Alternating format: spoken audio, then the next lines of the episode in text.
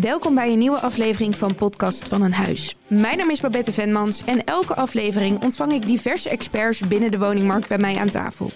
Samen met hen bespreek ik verschillende casussen, voorzien wij jou van de juiste informatie, maar bovenal verzamelen we de beste tips en tricks voor jou als consument. In deze aflevering gaan we een veelbesproken onderwerp behandelen, namelijk het biedingsproces. Doe je direct een definitief eindpot? Is er nog ruimte om te onderhandelen? En wat kan je verwachten bij een inschrijving? Dit en veel meer ga ik deze aflevering bespreken. Uiteraard doe ik dit niet alleen. In deze aflevering ben bij te gast Misha Schilder, makelaar, taxateur, oprichter en eigenaar van Wester Makelaars. Een jonge, ambitieuze makelaar met passie voor het vak. Zo zou je jezelf ook wel kunnen omschrijven, toch? Zeker, zeker. Waarom ben je in de makelaardij gaan werken? Ehm, ja, het was voor mij vooral een, uh, een, een, zoektocht naar mijn studie van hey, wat, wat ga ik nou eigenlijk doen met mijn leven. En uh, ja, in overleg met familie voornamelijk. Uh, ik heb familie ook veel in, in de hypothekenwereld zitten. Ehm, in overleg ja, de makelaardij gestart als het ware. Ja. Want jij hebt eerst bij diverse kantoren gewerkt. Ik ken jou uit het werkveld. Ja. Um, nu ben je onlangs je eigen kantoor begonnen. Wat onderscheidt jouw kantoor nou van alle andere makelaarskantoren in Amsterdam? Nou, ik denk vooral omdat we een heel jong team hebben. Uh, toch wel een frisse kijk uh, op de woningmarkt. Uh, ja, met veel ambitie om vooral door te groeien. En ja. Zo bestorm je de markt in Amsterdam. Zeker. Tegenover Misha zit Rick Kopinski, ook makelaar, taxateur, oprichter en eigenaar van zijn eigen makelaarskantoor, genaamd Kopinski Makelaardij. Op jouw website staat de echte aandacht en het luisteren naar de klant is in de hedendaagse makelaardij in veel gevallen erbij ingeschoten. Waaraan merk je dat? Ja, ik merk veel dat als mensen een afspraak willen plannen, dat ze een binnendienst aan de lijn krijgen die, uh, die niet bekend is met, uh, met het object zelf. Uh, als mensen mij contacten krijgen, ze direct mij in de lijn. En dan kan ik ze alles vertellen over de woning, wat ze willen weten. Dus jij hebt geen binnendienst zitten. Het is echt als je jou belt naar jouw makelaarskantoor, krijgen ze jou aan de lijn. Ja, heb je direct mij aan de lijn. En dan uh, ben ik uh, ook nog uh, redelijk goed bereikbaar. op maandag tot en met zaterdag. En wat is er dan zo belangrijk aan die persoonlijke aandacht? Ja, ik denk dat het een groot aankoop is, wat je niet heel vaak doet in je leven. Um, of een verkoop natuurlijk. En ja, dan is het fijn als mensen weten met wie ze van doen hebben. En zorgt dat ook voor meer succes in het traject? Voor mij wel in ieder geval. En uh, ja, ik, ik merk dat mensen tevreden zijn en dat uh, doorvertellen aan, uh, aan anderen. Dus dat dat ja, meer succes geeft uiteindelijk, die persoonlijke aandacht. Ja, het allerbelangrijkste. Ja. Hoe ervaren jullie het biedingsproces in de huidige markt? Misha? Ja, hectisch voor veel mensen vooral. Ehm, je ziet natuurlijk dat het echt gigantisch druk is met kijkers. Um, en dat 9, 9 op de 10 woningen eigenlijk wel per inschrijving worden verkocht. Hè? Dus dat er een, een deadline is tot wanneer uh, mensen hun, uh, hun eindvoorstel mogen uitbrengen. Dus in één keer, dit is het en daar moet je het ja, mee doen? Ja, ja, dus iedereen mag eenmalig een eindbod doen. Um, en op basis daarvan gaan de verkopers kijken hè, aan wie gaan ze de woning gunnen. Um, Waar hangt dat vanaf? Want heel veel mensen denken dat het altijd het hoogste bod is. Nou, dat is niet per se het geval. Um, je gaat natuurlijk ook kijken naar hè, wat zijn de voorwaarden. Zijn er mensen met veel eigen geld uh, die ze, dat wat ze kunnen inbrengen? Um, hoe lang is het voorbehoud van de financiering? Nou, dat zijn allemaal factoren die, uh, die afhankelijk zijn. Ja, ik ervaar het in, als, van de verkopende kant als, uh, als, als goed. Ik zie dat voor de verkopers vaak een goed resultaat het gevolg heeft. Ik merk alleen dat het voor de aankoop dat echt dramatisch is. Het is gewoon heel erg lastig om voor een klant te slagen. Uh, zeker als je een advies uitbrengt van wat een woning waard is. Ja, kom je eigenlijk 9 van de 10 keer niet in de buurt van wat jij hebt geadviseerd wat zo'n woning gaat doen. Dus voor mensen is het vaak een uh, best wel een grote stap wat ze nemen. Uh, doordat ze voor hun gevoel misschien wel een beetje te veel betalen. maar daardoor wel slagen. En ja, wat de markt natuurlijk in de toekomst gaat doen, dat is, is voor ons ook niet te voorspellen. Nee, we hebben helaas geen glazen bol. Nee, helaas niet. Helaas. Dus, en het schriftelijkheidsvereiste. Iets ja. waar ik zelf wel eens tegenaan loop. Vinden jullie dat juist een voordeel of niet? Ik weet niet, Misha, zou je even uit willen leggen aan de luisteraars wat het schriftelijkheidsvereiste inhoudt? Ja, dat houdt in dat als er een, uh, een particuliere transactie onderling is, uh, dat eigenlijk de overeenstemming pas geldig is als iedereen zijn handtekening onder het koopcontract heeft gezet. Um, ja, wat het nadeel hiervan is, is dat hè, stel je hebt een, een, een akkoord op een huis, hè, je gaat met een klant kijken, je brengt een mooi bod uit, um, je krijgt akkoord, en vervolgens uh, word je twee dagen later opgebeld van ja, we hebben na het verstrijken van de deadline toch nog een hoger voorstel gehad. Ja, mijn klanten gaan voor die andere partij. En dat, dat is het nadeel van die schrift, schriftelijkheidsvereisten. Ehm, dat je eigenlijk zelfs na een akkoord nog steeds geen uh, definitieve koop hebt totdat er is getekend. Maar daar kan best wel eens een tijd overheen gaan. In Amsterdam maken we natuurlijk de koopakte, laten we opmaken Ja. door de notaris. Nou, Ja. soms zit daar een week tussen. Ja, soms wel langer. Kijk, eh, vaak laat je nog even een bouwkundige keuring uitvoeren. Ehm, en dan gaat er soms wel ja, anderhalve week overheen voordat je eh, pas die koopakte tekent. En ja, dat gaat nog wel eens mis. Ja. Ja.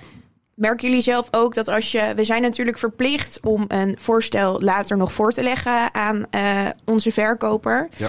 Ehm, hoe merken jullie dan die ervaring als jij dan de vorige koper tussen aanhalingstekens moet mededelen dat er een hoger bod binnen is? Ja, dat is natuurlijk niet leuk eh, om dat te doen, maar het hoort uiteindelijk bij het werk. Eh, het is uiteindelijk aan de verkoper om te beslissen of hij daar wel of niet nog op in wil gaan. Eh, ik ben nog steeds van een man een man, een woord een woord. Dus ik vind als je ergens aan verbindt en je bent daar tevreden over, ja, dan ben je op dat moment tevreden. En als je dan later toch voor meer geld gaat, ja, dan dan, ja, ben ik alleen maar de boodschapper die dat moet overbrengen. Ja, maar jij wordt er wel op aangekeken, want jij brengt die boodschap. Uiteraard, alleen eh, ja, dat is maar net hoe, hoe persoonlijk je dat opvat natuurlijk. Maar ik, eh, ik begrijp de reactie van de mensen die je natuurlijk moet bellen met, eh, met zulk nieuws. Want eh, ja, als die mensen een hele lange zoektocht achter de rug hebben en dan uiteindelijk nu weer te horen krijgen dat ze nog verder moeten gaan zoeken. Ja, dan zakt de moed wel in je schoenen, denk ik. Ja, nee, de mensen maken het ook echt wanhopig. Ja, kijk, het, het, het is natuurlijk heel dubbel, hè? Want aan de ene kant verkoop je je huis aan iemand ehm, die een mooi voorstel heeft uitgebracht. Maar ja, die mensen hebben zelf vaak ook een duur huis gekocht. En soms zit er zelfs 20, 25.000 euro tussen. Ja, en dan kan ik het wel begrijpen dat, dat de verkoper daarvoor gaat, hoe oneerlijk het ook is. Want eh, merk je dat veel in je werk dat eh, er nog biedingen gedaan worden na sluitingstijd? Regelmatig, ja. Ja, Ja. Vooral, vooral door particulieren hè, die zonder aankoopmakelaar eh, een voorstel uitbrengen. Ja, vervolgens zijn ze het niet geworden en gaan ze toch, komen ze twee dagen later terug met een verhoogd voorstel. Ja, Ja. Dat, dat is lastig. Maar in hoeverre kan je zo'n bieding nog serieus nemen? Ja, dat, dat kun je natuurlijk ook betwijfelen inderdaad. Ja. Want ik heb ooit gehad Ja. dat er iemand opeens 40.000 bovenop deed. Dat ik denk, ja, ik heb geen 40.000 euro op de plank liggen. Ja. In hoeverre is het dan echt een gegrond voorstel? Want daarin is onze rol als makelaar natuurlijk ook eh, je klant adviseren. Ja. Hoe pakken jullie dat op? Ja, ik denk dat het heel erg verschilt eh, per situatie. De ene situatie denk ik dat je wel kunt inschatten of iemand gewoon een soort van wanhoopsbieding doet om te kijken of je daarmee wel krijgt. Eh, maar als iemand ja, met een hoop eigen middelen, of die nou van een- hemzelf zijn of van bijvoorbeeld de ouders, eh, ja, dan, ja, dan is het uiteindelijk aan je klant om daar toch echt de beslissing in te nemen. Het beste advies wat ik denk ik kan geven is, eh, is ja, dat je toch op je gevoel af moet gaan in zo'n situatie. Maar zo'n op je gevoel afgaan. Zij hebben natuurlijk die koper niet ge- 9 van de 10 keer. Hou me ten goede, want soms Mhm. wordt er ook nog wel eens aangebeld. Ehm, Wat verkopers ook meestal niet als prettig ervaren. Briefjes in de bus. Ja, dagelijks. Ja. Ja. Ehm, want zij kennen dus die koper of de bieder kennen zij niet. Hoe kan je dan op je gevoel afgaan? Nou, ja, je kan het natuurlijk wel eerst onderzoeken. Dus je kan kijken hoe die financiële situatie van zo'n nieuwe koper is. Eh, Door bijvoorbeeld contact te zoeken met zijn hypotheekadviseur. Om te kijken of hij denkt dat het een haalbare ka- kaart is vanaf zijn kant. Maar heb jij het nu over de verkoper of jouw rol als makelaar? Mijn rol als makelaar bij de verkoop. Ja. Dat, je, ja, dat je dat eh, zo aanpakt. Dat je toch nog wat meer informatie van zo'n partij eh, krijgt. Die, die toch een voorstel heeft gedaan. Waardoor je jouw klant, de verkoper, daarin eh, toch een advies kan geven wat hij moet doen. Ja, dus jij gaat echt altijd wel op onderzoek uit van is het voorstel wel reëel? Ja, Kunnen ja, ze het betalen? Zeker, zeker. En hoe merk je dat? Want Misha, jij doet ook taxaties eh, erbij. Ja. Hoe merk je dat eh, met taxaties? Ja, dat is natuurlijk ook altijd wel lastig. Hè? Mensen kopen voor een bepaalde prijs een huis. En eh, nou ja, we zitten tot heden in een, een vrij stijgende markt. Ehm, dus dat betekent dat er ook vaak boven de marktwaarde eh, wordt betaald door de koper. En eh, ja, je krijgt natuurlijk altijd de casus van... Hè, dit heb ik nodig op papier, red je dat? Nou ja, en dan is het natuurlijk jouw taak als taxateur... om er een onafhankelijk waardeoordeel eh, aan zo'n woning eh, te hechten ja, daar, daar, daar gebeuren nog wel eens. daar ontstaan nog wel eens misverstanden, ja. En wat voor Ja. misverstand? Want op basis van welke gegevens be- bepaal jij je taxatie? Ja, we gaan natuurlijk kijken, hè, wat is er verkocht in, in de wijk eh, afgelopen jaar. Ehm, dat mag je dan indexeren naar de prijs wat het nu waard zou zijn eh, volgens de prijsstijgingen. En ehm, ja, op basis daarvan hè, maar, eh, ga jij een waarde afgeven. En als mensen vervolgens 50.000 euro boven die eh, mark- marktwaarde slash taxatiewaarde betalen, ja, dan word je natuurlijk als taxateur aangekeken. hè. Terwijl die mensen betalen zelf te veel geld. Ja, ze kiezen daar zelf voor. Ja.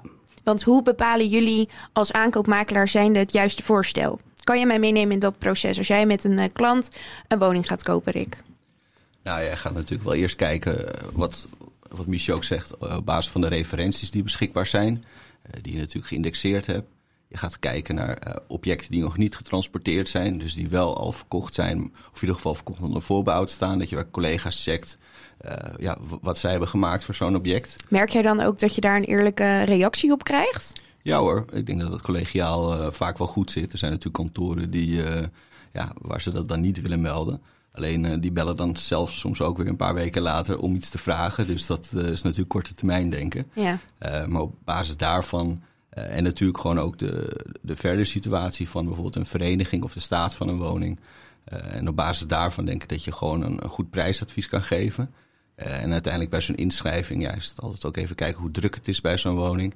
Eh, en uiteindelijk eh, ja, is het toch eh, kijken altijd wie, eh, wie de beste voorwaarden heeft en wie het meest wil betalen. Dus eh, ja, toch lastig om daar een advies in te geven. In een vorige aflevering kwam naar voren dat eh, er eigenlijk altijd geroepen wordt: ja, je moet zonder voorbehoud financieren.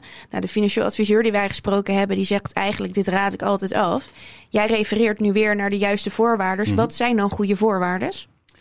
Ja, dat is, dat is natuurlijk een beetje afhankelijk. Maar in ieder geval het liefst niet een voorbehoud wat voor de volledige koopsom geldt. Dus kijk, zonder voorbehoud vind ik, eh, als je moet gaan financieren, vaak ook gewoon te spannend. Eh, maar ja, dat is natuurlijk uiteindelijk eh, wat, eh, wat de klant zelf eh, wil daarin. Welk vertrouwen die daarin heeft. Wat voor eh, middelen die hij heeft om dat op te vangen, eventueel eh, vanuit eh, huis uit. Misha, kan jij hier een aanvulling geven? Ehm, ja, kijk, hoe ik dat vaak met mijn, eh, mijn aankoopklanten aanpak, als het ware. Hè? We gaan een worst case scenario schetsen. Van, s- stel, hè, jullie moeten zoveel mogelijk eigen geld inbrengen. Eh, hoe hoog is dat bedrag dan? Eh, of hoeveel, hoeveel eigen middelen hebben jullie beschikbaar? Ehm, maar goed, als eerst gaan we natuurlijk kijken, hè, wat is de reële marktwaarde? Nou, ik taxeer natuurlijk zelf heel veel, dus ik ben daar vrij goed in om, om echt een goede marktwaarde af te Dat geven. maakt het denk ik ook wel makkelijker om een goed advies Ja. uit, te, uit te kunnen brengen. Ja, dus wat ik altijd probeer te doen, hè, ik, ik geef ze een marktwaarde af. Kijk, de kans is groot dat die gewoon voor iets daarboven verkocht wordt.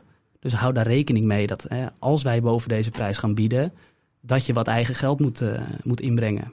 Ja, Ehm, we hebben een stukje uit de media, want de media roept natuurlijk altijd van alles. Daar refereer ik graag naar.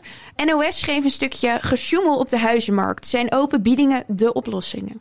Ja, of dat de oplossing is. Kijk, ik, eh, er zullen vast gevallen zijn waarin dit soort dingen voorkomen. Eh, dat er gesjoemeld wordt eh, met, met makelaars onderling. Mhm.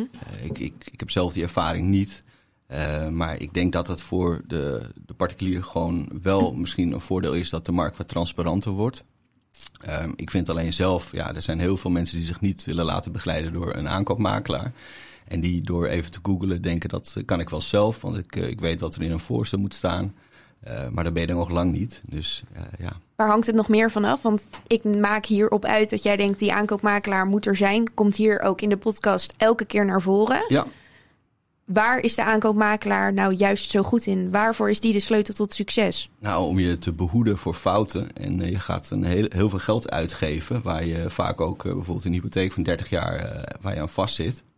En op het moment dat je dan zelf op basis van een bedrag iets aankoopt, maar verder niet bekend bent met bepaalde situaties die kunnen spelen met betrekking tot funderingen, met, met financiële situaties binnen verenigingen van eigenaren en, en andere dingen. Ja, dan, eh, dan kan het wel eens helemaal mislopen als je dat eh, denkt even op eigen houtje te kunnen doen. Ja, dan is het veel geld wat je kwijt bent. Mhm. Misha, hoe denk jij over een eh, biedingslogboek? je bedoelt transparant bieden.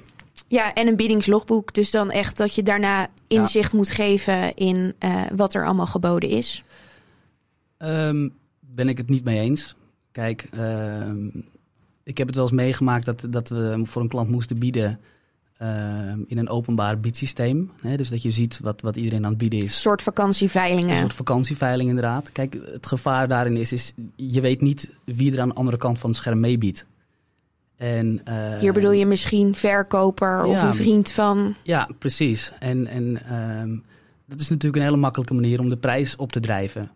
En ehm, ook mede door die schriftelijkheidsvereisten kan ook een bieder 1 zeggen van nou, ik doe het toch maar niet. Hè, dus uh, dat de nummer 2 dan uh, als het ware wordt gekozen als koper. Ja, in, in hoeverre kun je met zekerheid zeggen dat die nummer 1 niet een bekende was van de verkoper? Of hè, de buurvrouw die even meedeed om, om toch even die paar duizend euro extra uh, eruit te halen. Ja. Dus dat is gewoon, naar mijn idee, erg gevaarlijk. Ik denk dat je mensen ook alleen maar gek maakt. Dat ja. je in het moment ja. zit, in de emotie. Dat Ja. je denkt, nou, die duizend euro op 30 jaar, wat maakt het nog uit? Maar elke keer die gedachte kan een heel duur grapje worden. Ja. Ja, kijk, en, en uh, wat in mijn ogen wel een juiste oplossing is. Uh, je hebt een woningcorporaties die een, een, een, voormalige huurwoning natuurlijk verkopen. Hè? Ik geloof IJmeren of de Kei, een van de twee, die heeft een gesloten biedsysteem. Maar waarbij zelfs de verkoopmakelaar de biedingen niet kan inzien totdat de termijn is verstreken. En dat vind je een, een mooie oplossing? Het, het, lijkt mij een goed alternatief om uh, dus toch iedereen een gelijke kans te geven. En toch de biedingen maar ook gaan echt voor iedereen uh, gesloten te houden. Maar denk je dat dat nodig is in de huidige markt? Merk jij waar NOS naar refereert, dat gesjoemel op de huizenmarkt? Hoe ervaar jij dat? Kijk, het gebeurt natuurlijk altijd wel uh, ergens. Um, ik maak het zelf niet vaak mee. Um, af en toe wel situaties dat je denkt van, ja, klopt dit wel? Maar goed, dat zijn, uh, zijn vaak ook uh, makelaars die... Um, of niet zijn aangesloten bij een brancheorganisatie. Of hè, toch wat, niet langskomen in de podcast. Of niet langskomen in deze podcast, inderdaad. Maar goed, ja, kijk, er is een, een, in ieder geval een roep vanuit de, de particuliere markt van er moet iets veranderen. Want we hebben het gevoel dat dit niet eerlijk gaat. En die roep is er natuurlijk niet voor niks. Nee. Er zullen genoeg scenario's zijn waar het wel misgaat. En uh, ja, de juiste oplossing uh, in deze tijd denk ik dat toch hè, echt een gesloten systeem waar zelfs de makelaars het niet kunnen zien tot het verstrijken van, uh, van de deadline. Ja, maar dan zit je nog steeds met het schriftelijkheidsvereiste. Dus dan ja. bel je je mensen af en die kunnen daarna er nog overheen. Dus in hoeverre is zo'n sluiting van zo'n bieding, is er nou echt? Eigenlijk kunnen ze altijd een bod doen. Eens, eens, ja. Dat los je ook niet 1, 2, 3 op. Dat ga je niet 1, 2, 3 oplossen, nee. En hoe zien jullie, um, want onderhandelen nu met één uh, eindbieding wat je mag doen. Hoe ervaren jullie dat? Is er nog een beetje te onderhandelen? Er is niet echt veel meer te onderhandelen in de huidige markt, denk ik. Nee. Ook niet in condities of... Nou ja, soms doe je als aankoopmakelaar een voorstel en dan uh, word je soms teruggebeld en met de vraag van ja, kan, uh, kan de keuring eruit of, uh, of kan je nog iets doen met het voorbehoud? Want ja, mijn klant die heeft wel interesse in je voorstel. Ehm, dus ja, dat is dan een, een, een, lastige keuze. Maar ja, je neemt niet voor niks een keuring op. Ja, en ik vind het ook gewoon, ja, ja, soms bij nieuwbouwwoningen vind ik het iets minder relevant. alleen bij oudere woningen ja, is dat toch, vind ik, de taak van de makelaar om dat aan zijn klant te adviseren. Uh, en soms uh, ja, zie je mensen die zeggen, nou ja, ik heb daar geen behoefte aan. Uh, en dan, ja, wie ben ik dan om, om het zo op te leggen verder nog? Ja, nee, dat blijft natuurlijk altijd. Want ja. een bouwkundige keuring, die wordt dan in het voorstel opgenomen. In hoeverre, dat wordt vaak als negatief gezien, maar in hoeverre is dat nou echt negatief? Nou ja, ik, ik, ik persoonlijk vind het vooral negatief als de verkoper de bouwkundige keuring weg wil hebben. Ja, dan moet je je zorgen gaan maken. Ja. Dan gaan we ons bij voorbaat al zorgen maken en dan willen we hem juist. Ja, ik vind zo'n bouwkundige keuring, weet je, je hebt er niet gewoond. Dus je weet niet wat er Precies, de afgelopen tijd ja. gebeurd is. Uh, gewoon de huidige staat van de woning. Ja, ik denk dat het heel belangrijk is om dat uh, te laten doen. Alleen maar om je klant ook een inzicht te geven van welke kosten er eventueel op termijn aan uh, zouden kunnen komen. En verder, ja, kijk, als zo'n verkoper dat pertinent niet wil, ja, dan gaan alle haren wel overeind staan. En denk je, ja, dan er moet er ook wel iets te verbergen zijn. Ja, en hoe merken ja. jullie de reacties op biedingen als je mensen af moet bellen? Ja, toch wel dat ze het uh, begrijpen of vooraf ook wel uh, verwachten. Ik, uh, mensen die, die hebben toch wel vaak een idee van ik probeer het gewoon. Ehm, en dan ja, op naar de volgende. Dus het is... Op naar de volgende. Ja. Maar nog even terugkomen op die keuring. Ja. Ik vind het ook bij verkoop vaak wel belangrijk om die keuring te laten plaatsvinden voor de koper. Zou je hem dan adviseren op voorhand? dat niet per se. Uh, maar als mensen een bouwkundige keuring willen uitvoeren, sta ik er zeker achter. Kijk, uh, je wil natuurlijk ook weten wat je verkoopt uiteindelijk en, en niet achteraf nog dingetjes krijgen. Dus ik, ik, denk dat het sowieso wel een belangrijk punt is. Je hebt het over dingetjes krijgen. Kan je een voorbeeld geven? Um, ja, vocht in de badkamer, wat bijvoorbeeld niet is, is gecheckt. en wat nou als dat bij een keuring niet naar voren komt? En achteraf blijkt het toch wel. Hoe pak jij dat op? Ehm, de meeste dingen komen natuurlijk uit zo'n keuring naar voren en zo niet. Ja, dan zal het waarschijnlijk een gebrek zijn dat daarna, of in ieder geval na de overdracht, uh, heeft plaatsgevonden. Ja, dus dan kun je natuurlijk verwijzen naar, hey, jullie hebben een keuring gedaan, daar is het niet uitgekomen. Dus uh, ja, helaas. Helaas. Helaas. Nog even terug naar de biedingen. Ja. Want als je dus iemand gaat afbellen en die zegt, nou, ik had het al verwacht. Wat is dan een tip die jij meestal meegeeft? Ja, dat hij toch die aankoopmakelaar in de arm moet nemen. Waarom is dat zo succesvol?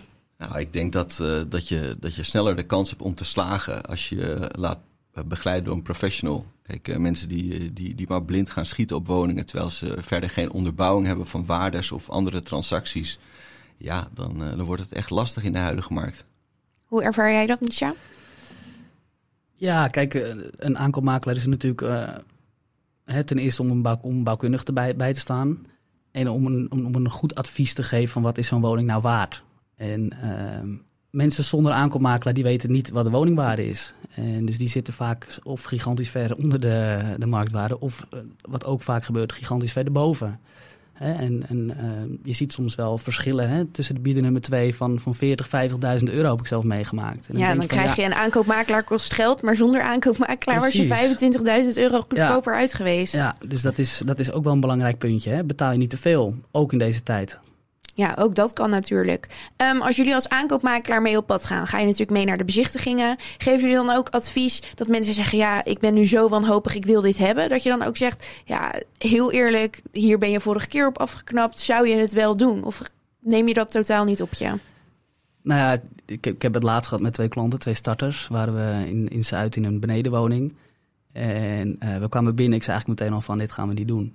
Want je zag gewoon verzakking in de fundering, of in ieder geval de vloer, hè, wat waarschijnlijk uh, de fundering was. Dus het was van mijn kant meteen van, nou, we gaan weer, want dit gaan we gewoon niet doen. En hoe reageerden zij daarop? Die waren natuurlijk hartstikke blij mee. Ja, ja. dat je ze behoed hebt. Ja. ja, zeker. Soms heb ik het idee dat, uh, dat mensen dan maar denken van de makelaar wil het alleen maar aankopen. Uh, maar ik koop liever iets, uh, iets goeds aan voor mijn klanten. Dat werkt op termijn een stuk beter. En dan mag je het ook waarschijnlijk ooit weer eens een keer verkopen als het zover is. Dat is natuurlijk het allermooiste als ze weer Zeker. bij je terugkomen. Ja.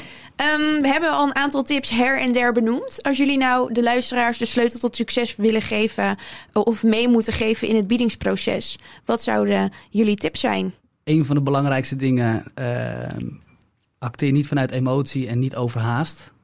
Slaap er een nachtje over en uh, laat je goed adviseren uh, over de prijs en vooral ook bouwkundig. Ja, ik denk dat dat toch wel het belangrijkste is. Ja. Ja, ik denk dat uh, mensen toch uh, onder druk uh, beslissingen nemen met die deadlines die, die kort dag zijn, waar ze misschien later spijt van krijgen. ja, dan heb ik het idee dat je soms maar eens iets moet laten lopen en je beter voorbereiden op de volgende. En ja, vaak als mensen een paar keer mis hebben gegrepen, weten ze daarna ook een stuk beter wat ze nou wel en niet willen. dus geef het gewoon een beetje tijd. Dus ik denk dat dat heel erg belangrijk is. Ja, en word niet wanhopig. Ja. Ik denk dat Zeker. dat heel belangrijk Ja. is. Die emotie, dat uh, merken we heel vaak natuurlijk dat dat dan echt die prijs opdrijft. Daar kiezen wij ook niet voor. Ja. Nee, Ja. mooi. Ik wil jullie in ieder geval bedanken voor het luisteren. En hopelijk hebben jullie heel veel tips en tricks kunnen noteren. Misha en Rick, hartelijk dank voor jullie, uh, voor jullie komst. Bedankt voor de uitnodiging. Ja, bedankt. Bedankt voor het luisteren naar deze aflevering van Podcast van een Huis. Deze en alle andere afleveringen zijn te beluisteren via de bekende podcastkanalen. Op zoek naar een expert in jouw omgeving? Neem dan een kijkje op onze website podcastvaneenhuis.nl. Wil je meepraten over de aflevering? Check dan onze Instagram, @podcastvaneenhuis. Hier vind je nog extra backstage beelden en kom je nog meer te weten over onze gasten. De podcast wordt mede mogelijk gemaakt door Crib.